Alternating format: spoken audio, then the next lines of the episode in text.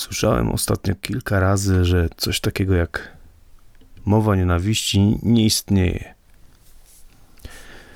I to czasem od całkiem wydawać by się mogło rozsądnych osób, przynajmniej takich, które ja uważam za rozsądne, mi osobiście jakoś trudno w to uwierzyć. Zwłaszcza jak myślę o historii i przypomina mi się taki wątek z historii Niemiec, kiedy jeden szaleniec zdołał porwać miliony i przekonać do tego, że inni ludzie nie są ludźmi, że są gorsi od szczurów i odpowiadają za wszystko, co złe.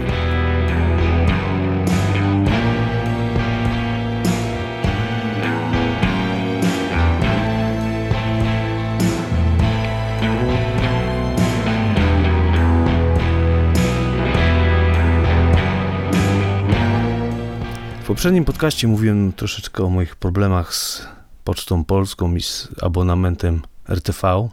I mówiłem też, że nie oglądam specjalnie telewizji publicznej, chociaż płacę abonament RTV już od kilku lat. Ale ogólnie rzecz biorąc, w ogóle mało oglądam telewizji. Jeżeli już, to raczej jakieś filmy, jakaś taka niska rozrywka.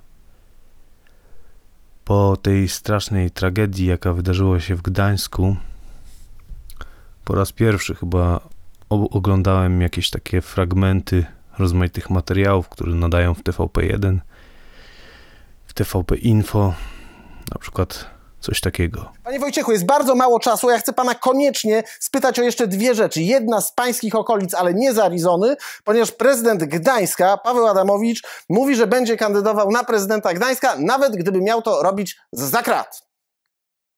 I tu mi się bardzo podoba. Nie podoba mi się, że idzie w zaparte. Nie podoba mi się nasz Budyń. Tak e, w Gdańsku mówimy o tym prezydencie. Budyń, na niego mówią wszyscy powszechnie. Kto w Gdańsku mieszka, to wie. I proszę pana, więc nie podoba mi się ten gość, nie podoba mi się PO i tak dalej. Ale to akurat mi się podoba. Walczy do końca i y, polskie prawo nie zabrania kandydowania za krat. Jeśli naród w Gdańsku wybierze sobie gościa, który kandyduje za krat, to jest wola narodu taka i nic panu do tego. Nic mi do tego i też wydaje mi się, że jest to coś absolutnie intrygującego, bo wyobraźmy sobie, że faktycznie udaje się takie wybory wygrać. I wtedy dopiero jest zagwostka. Co robi taki prezydent? Jak on rządzi? Jak pięknie wygląda jego biuro, jego gabinet i tak dalej, i tak dalej. Pojawiają się pytania, na przykład jak często może wychodzić na spacery wtedy ja chcę być klawiszem, bo wtedy ja będę rządził Gdańskiem, bo albo mu dam internet, albo mu nie dam Panie internet. Wojciechu. Albo pocztę odbierze dzisiaj, albo za dwa miesiące. W sumie nie wiem, jak, jak to ocenić. Nie wiem, czy to można nazwać mową nienawiści, czy nie. Czy jest to jakiś rodzaj krytyki, szyderstwa, kabaretu. Trudno mi to um, ocenić właściwie, ale z całą pewnością jestem w stanie stwierdzić, że nie jest to coś, za co chciałbym płacić pieniądze.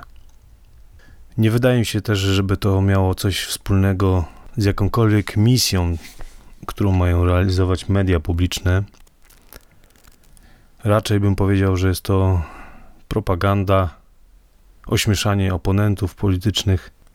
No i tak sobie myślę, że kto ogląda takie rzeczy?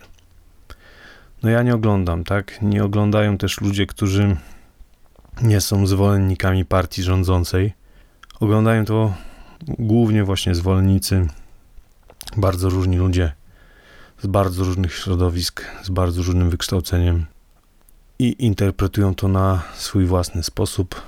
Następnie to powtarzają, roznoszą po swoim środowisku, rozmawiają o tym w domu przy dzieciach, Partia rządząca po przejęciu władzy obsadza wszystkie kluczowe stanowiska swoimi ludźmi. No to już w tej chwili nie ma to znaczenia, czy PiS, czy PO, czy SLD, czy ktokolwiek. Po prostu, kiedy przychodzi partia y, taka, mająca taką dużą przewagę w rządzie, zaczyna obsadzać swoimi ludźmi. No, obsadza właśnie media te publiczne, telewizję, radio, ale też na przykład w, nie, czytałem troszeczkę, że o tym, że na przykład Stowarzyszenie Dziennikarzy Polskich, które jest organizacją w teorii niezależną, jakąś taką, no to jest stowarzyszenie, tak, czyli to jest NGO, czyli teoretycznie nie powinno być związane z żadną partią. natomiast osoba prezesa Stowarzyszenia Dziennikarzy Polskich jest też osobą, która prowadzi radio swoje wnet. I to radio na przykład przyjęło całkiem sporą sumkę pieniędzy od, od PiSu. I znaczy, on tak, on, on tłumaczy w ten sposób, że po prostu jest to współpraca komercyjna, ma prawo współpracować z każdym, tak, to się zgadza. Ale jednocześnie, jeżeli pełni funkcję Stowarzyszenia Dziennikarzy Polskich, to rodzi się wiele wątpliwości. Nawet na przykład, jeżeli mamy też Stowarzyszenie Dziennikarzy Polskich, prowadzi też taką instytucję jak Centrum Monitoringu Wolności Prasy. I Centrum Monitoringu Wolności Prasy na przykład teraz apeluje o przywrócenie do pracy redaktora Michała Rachonia, który został zawieszony w obowiązkach 11 stycznia. To jest dziennikarz związany z, chyba z, głównie z TVP Info. 11 stycznia został zawieszony za to, że pokazał materiał, tą animację z plastusiami o Jurku Owsiaku i tam ją wyśmiał, czy tam powiedział, no, nie, nie wyśmiał, powiedział, że jest, yy, pochwalił ją, tak? Za to został zawieszony przez, bo ktoś tam protestował i TVP go zawiesiło. No i stowarzyszenie, ten ośrodek Centrum Monitoringu Wolności Prasy apeluje o przywrócenie go. Natomiast, no wiecie, słyszeliście ten przed chwilą fragment, właśnie to był redaktor Rachoń. Wyobraźcie sobie, co by było, gdyby on 13-14 stycznia pracował i prowadził jakiś program informacyjny i opowiadał o morderstwie prezydenta Gdańska. Kto wie, być może mu się poszczęściło, że, że jest zawieszony akurat w tym czasie. Przykładowo Krzysztof Ziemiec, teraz y, on prowadził z kolei wiadomości w dniu 14 stycznia i na dzień, kiedy nagrywam ten y, podcast, zdaje się, że, że ważą się jego losy, ponieważ mm, duże były protesty po wiadomościach z 14 stycznia i problemy ma zarówno pan Jacek Kurski, jak i między innymi właśnie pan Krzysztof Ziemiec. Nie wiadomo, czy ich, czy zrobią z nich kozły ofiarny, ich usuną, czy nie. Znaczy, jeżeli już, to pewnie pana Krzysztofa Ziemca niż pana Jacka Kurskiego, bo tu jest właśnie przywilej pana Jacka Kurskiego, że on jest wysoko postawiony w partii. I teraz e, wracając do tematu abonamentu RTV i tego, jak bardzo mi się to wszystko nie podoba, właściwie chciałbym przestać go płacić, ale jednocześnie móc korzystać z telewizora, czyli ale i, i, żeby to było legalnie, tak? Czyli nie chciałbym pozbyć się telewizora i wyrejestrować go i powiedzieć, że nie mam w domu telewizora, tylko chciałbym mieć, ponieważ płacę też za kablówkę, mam dostęp do kanałów rozmaitych i wydaje mi się, że mam prawo je oglądać. Ale okazuje się, że tego nie da się zrobić. Nie ma, nie da się po prostu przejrzałem rozmaite artykuły i płacenie abonamentu RTV jest obowiązkowe i absolutnie nie da się go uniknąć. Tak, w praktyce to abonamentu mogą nie płacić yy, chyba emeryci o zarobkach poniżej jakiegoś poziomu, kombatanci, chyba osoby z jakimś tam stopniem, w jakimś stopniu niewidome. W każdym razie yy, każdy przeciętny obywatel musi, ma taki obowiązek, oczywiście płaci go kilkanaście procent. Jest to na krawędzi likwidacji. TVP, TV, telewizja publiczna żyje z reklam, czyli tak de facto jest w praktyce, że ktoś, kto ogląda, to jest oglądaczem telewizji i sprzedaje swoją uwagę za reklamy i na tym zarabia telewizja. Nie widzę powodu, dla którego ktoś miałby jeszcze dodatkowo płacić obowiązkowo abonament. nie jest to duża kwota, nie chodzi tutaj o względy ekonomiczne, chodzi o względy ideologiczne i to, że no to jest tak de facto odpowiada to definicji przemocy. Definicja przemocy według Wikipedii mówi tak, że jest to wywieranie wpływu na proces myślowy, zachowanie lub stan fizyczny osoby pomimo braku przyzwolenia tej osoby na taki wpływ w celu uzyskania jakiegoś istotnego zasobu – więc podlega pod to abonament RTV. To jest przemoc ze strony państwa. Podobnie zresztą jak podatek dochodowy, o czym mówiłem z dwa odcinki temu i o czym jeszcze będę nieraz mówił. No ale dobrze, ugryźmy to do innej strony. Należy do, tej, do tego 10 czy tam 15% osób, które płacą ludziom z TVP, czyli ja płacę oczywiście tam jakoś symbolicznie, ale płacę. Jestem pracodawcą Jacka Kurskiego i Ziemca i pana redaktora Rachonia, a nawet nie wiem, czy nie pana Cejrowskiego. Możliwe, że też.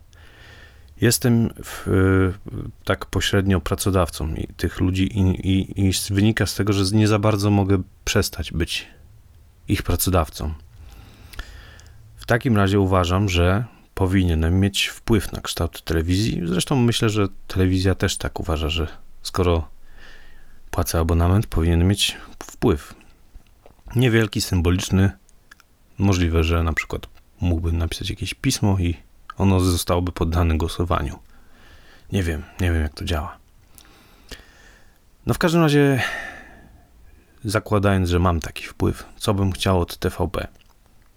Chciałbym, żeby TVP nie była tubą propagandową rządu, telewizja publiczna.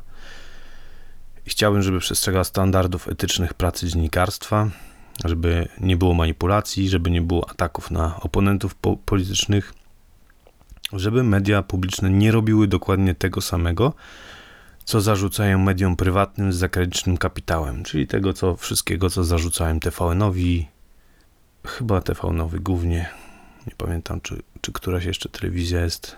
No właśnie, no bo y, skoro o, oni mówią, że to, co robi TVN jest złe, to dlaczego robią dokładnie to samo w telewizji publicznej i to jeszcze za nasze pieniądze? TVN jest telewizją prywatną, tak? Ja nie płacę. No, w abonamencie pewnie jest jakaś opłata, która trafia do TVN-u, ale tak samo na przykład nie oglądam TVN-u i nie jestem ich oglądaczem w kontekście reklamowym, tak? Nie zarabiają na mnie. Właściwie nie mam tam takiego wpływu jak w TVP, które utrzymuję z abonamentu. Więc generalnie to jest straszna hipokryzja, która bardzo jest niepokojąca w kontekście jakby sytuacji globalnie, jeżeli weźmiemy to pod uwagę, tak, że jest rząd, jest telewizja, która jest tubą propagandową i robi takie rzeczy, Rada Etyki Mediów, czy coś takiego, tak? Też powinna być bezstronna, a też tam zasiadają ludzie przecież z TVP, tak? Nie wiem, kto tam jeszcze jest, ale e, ogólnie rzecz biorąc, Rada Etyki Mediów, to się chyba tak nazywa, też jest mocno wątpliwa dla mnie jej wiarygodność. I właściwie myślę, że oni powinni stać na straży tego, co się dzieje w telewizji publicznej. I jak widać, chyba się z tego niezbyt wywiązują. No jeżeli to jest niemożliwe, jeżeli niemożliwe jest ani rozwiązanie A, czyli ja przestaję płacić abonament, ani rozwiązanie B, czyli moje tutaj postulaty są wzięte pod uwagę, poddane jakiemuś rozwadze przez TVP, no to fajnie by było, jakby zaproponowali jakąś trzecią opcję. Mi osobiście trzecia opcja, która przychodzi do głowy, no to oglądać wiadomości. Oglądać, notować, analizować, nagrywać, spisywać wszystkie manipulacje. Może właśnie o to chodzi, że w naszym życiu brakuje tak zwanych watchdogów, czyli obserwatorów, e, sygnalistów. Może właśnie o to chodzi, tak? Może powinien wykorzystać fakt, że płacę abonament i przyglądać im się, bardzo uważnie przyglądać im się, znaleźć sobie jakichś popleczników, jakąś organizację, która zajmuje się e, właśnie tego typu rzeczami. Nie wiem, nie wiem, może, może muszę rozkminić ten temat, bo chyba nie mam innego wyjścia. No i to tyle, to tyle. Taki mocno ponury ten dzisiejszy odcinek, ale mam na koniec jeszcze taką dobrą wiadomość. Właściwie bardzo dobrą, bym powiedział. Otóż dziś rano profesor Robert Gwiazdowski ogłosił, że wchodzi do polityki. To jest dla innych dobra, dla innych może nie. Dla mnie akurat jest dobra, ponieważ ja bardzo cenię profesora Roberta Gwiazdowskiego. Jest to wolnorynkowiec, zwolennik likwidacji podatku dochodowego, a jednocześnie jeżeli zestawimy go na przykład z Januszem Korwinem-Mikke, to jest on przeciwnikiem wyjścia Polski z Unii Europejskiej. Powtarza, że miejsce Polski jest w Unii Europejskiej. Jest to bardzo zdroworozsądkowy człowiek, ktoś, kogo brakowało na scenie politycznej. Powiem szczerze, że do niedawna uważałem, że kończę z chodzeniem na wybory, z, z tą farsą, bo to jest yy, namiastka demokracji, tak? Że się nam wmawia, że my idziemy o, o czymś decydować. Tak naprawdę decydujemy o jakimś tam jakimś bardzo niewielkim stopniu, później wygrywa jakaś partia, ona sobie tam coś wprowadza. Najczęściej się po prostu dorywa do koryta. Więc miałem już zrezygnować z chodzenia na wybory, ale teraz pomyślałem sobie, że jest rok wyborczy. Jest, yy, zaistniała taka sytuacja, że ja osobiście czuję bardzo, bardzo duży niesmak i niechęć do partii rządzącej. I postanowiłem, że będę głosował. Mm, więcej dowiecie się na stronie wiadomość, wiadomość gwiazdowskiego.pl. Wiadomość z polskimi znakami wiadomo, wiadomość gwiazdowskiego.pl. Tam jest dużo materiałów do obejrzenia, materiałów wideo, gdzie pan profesor wypowiada się na, tem- na różne tematy, które mogą was zainteresować.